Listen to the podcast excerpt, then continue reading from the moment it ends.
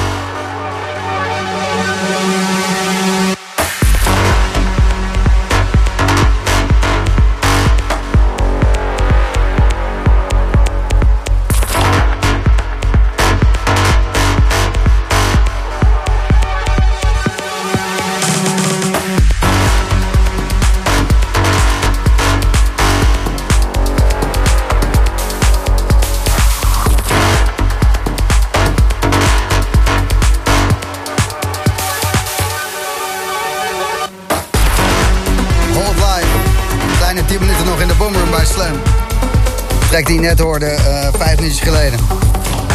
Mind Escape.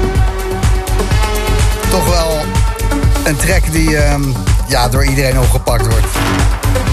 Jonas Saalbach, Kevin de Vries, Joris Voorn draaide hem op Tomorrowland.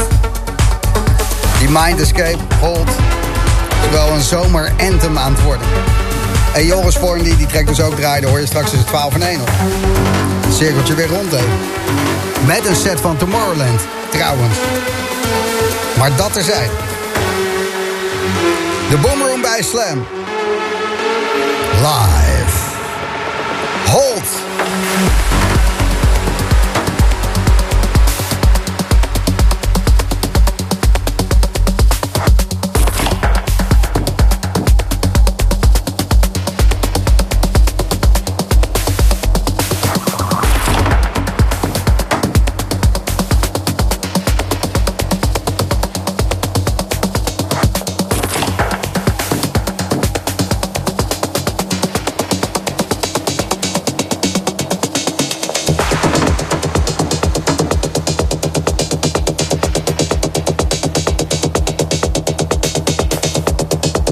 love.